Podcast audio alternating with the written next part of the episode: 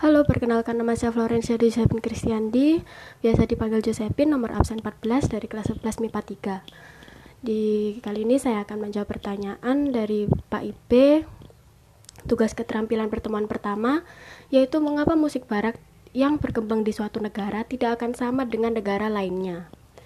Menurut pendapat saya, itu dikarenakan tiap negara memiliki kehidupan kebudayaan yang berbeda. Ada negara yang terbuka dengan musik-musik barat dan ada negara yang tertutup dengan musik-musik barat. Contohnya Korea Utara yang seperti yang kita tahu kurang membuka terhadap budaya-budaya luar. Dan juga ada negara yang sengaja memblokir musik-musik barat.